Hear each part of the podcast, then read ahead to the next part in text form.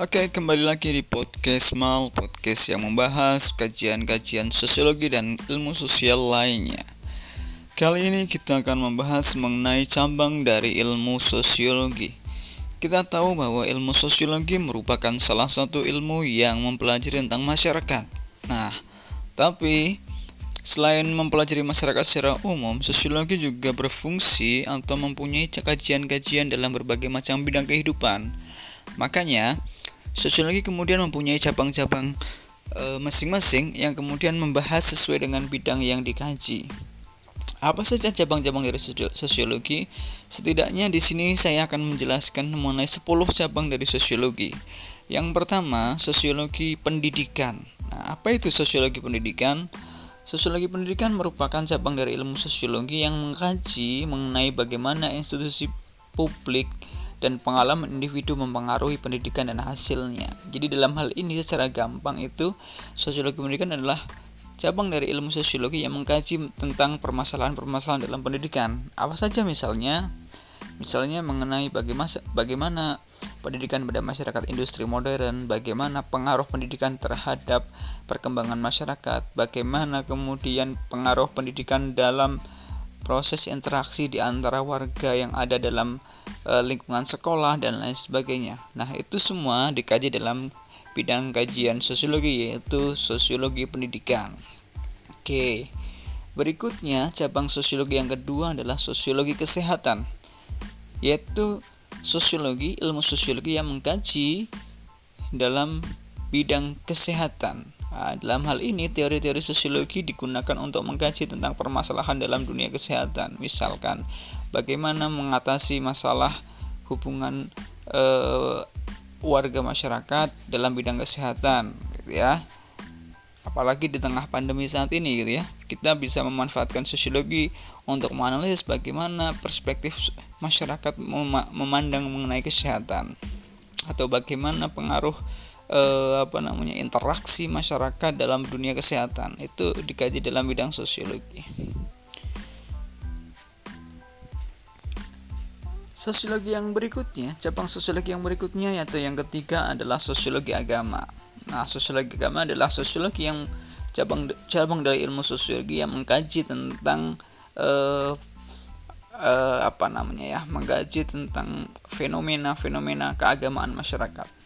Nah, sosiologi agama di sini bukan mengkaji tentang ajaran agama tertentu gitu ya, tapi sosiologi itu bisa melihat bagaimana fenomena hubungan antar agama dalam kehidupan masyarakat, bagaimana hubungan antara e, pemeluk agama dengan agamanya, bagaimana pengaruh agama dalam mempengaruhi perilaku umatnya. Nah, itu dikaji dalam sosiologi agama.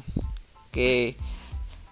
E, yang berikutnya Cabang sosiologi yang keempat adalah sosiologi pembangunan. Nah, sosiologi pembangunan ini apa?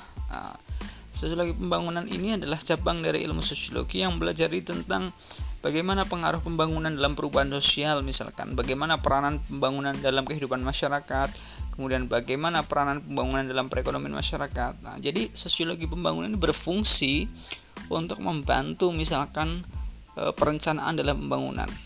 Bagaimana pembangunan ini akan bermanfaat bagi masyarakat.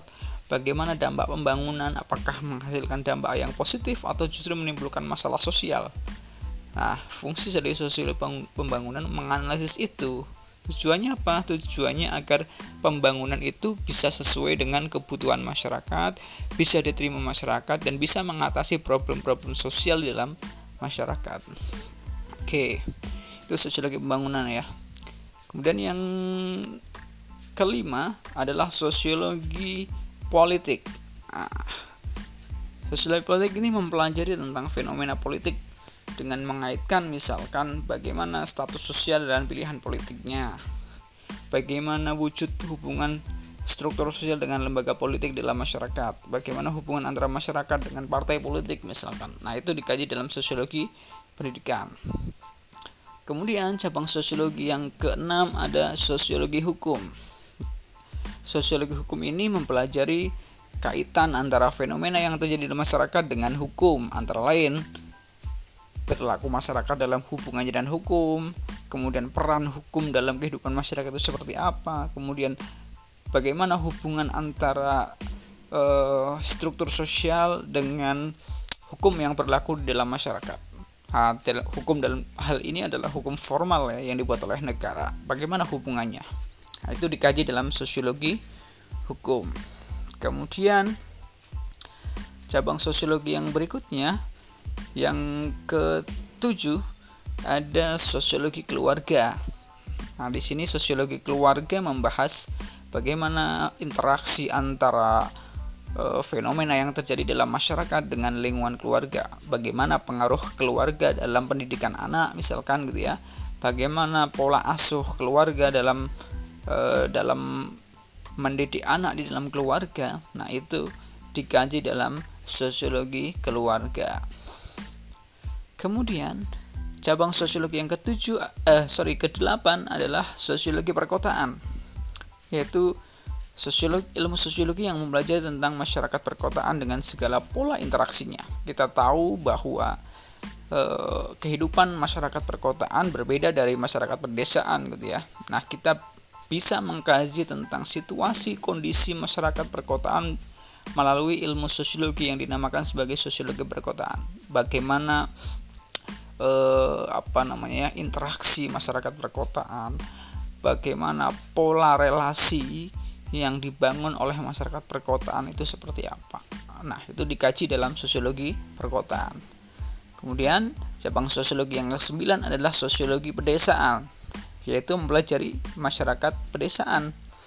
Ketika tadi hampir sama seperti perkotaan gitu ya masyarakat pedesaan itu mempunyai pola interaksi yang khas gitu ya. Kemudian uh, itu bisa dikaji dalam sosiologi pedesaan. Misalkan bagaimana relasi hubungan antar uh, individu antar manusia di desa bagaimana pengaruh lingkungan dalam uh, kehidupan interaksi sosial di desa itu bisa dikaji dalam sosiologi pedesaan kemudian cabang sosiologi yang ke-10 adalah sosiologi industri Nah, ini lebih menekankan pada bagaimana perkembangan industri dalam masyarakat itu ya atau bagaimana e, industri itu bisa mempengaruhi kehidupan sosial masyarakat itu seperti apa. Misalkan gitu ya. E, apakah pola industri pada masyarakat e, perkotaan dan pedesaan itu sama atau tidak? Nah, itu bisa dikaji dengan sosiologi intrusif. Bagaimana industri itu mengaruhi perkembangan masyarakat nah itu bisa dikaji juga dalam sosiologi industri. Jadi kira-kira itu ya cabang-cabang dari ilmu sosiologi. Walaupun eh, yang saya bahas ada 10 cabang gitu ya.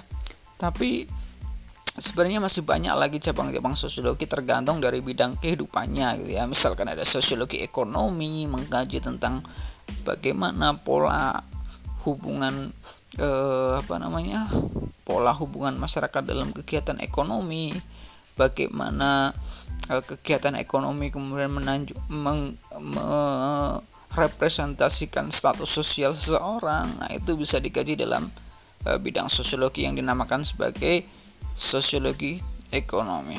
Dan masih banyak lagi sebenarnya cabang-cabang ilmu sosiologi bergantung dari bidang kajiannya. Karena itu sebenarnya sosiologi uh, punya banyak manfaat gitu ya terutama dalam membantu menganalisis permasalahan-permasalahan sosial dalam berbagai macam bidang kehidupan. Oke, itu saja penjelasan untuk hari ini di podcast. Di podcast ini mudah-mudahan bisa memberikan uh, pengetahuan, bisa berbagi uh, referensi untuk kalian yang berminat belajar sosiologi. Oke, terima kasih. Sampai ketemu lagi di podcast selanjutnya.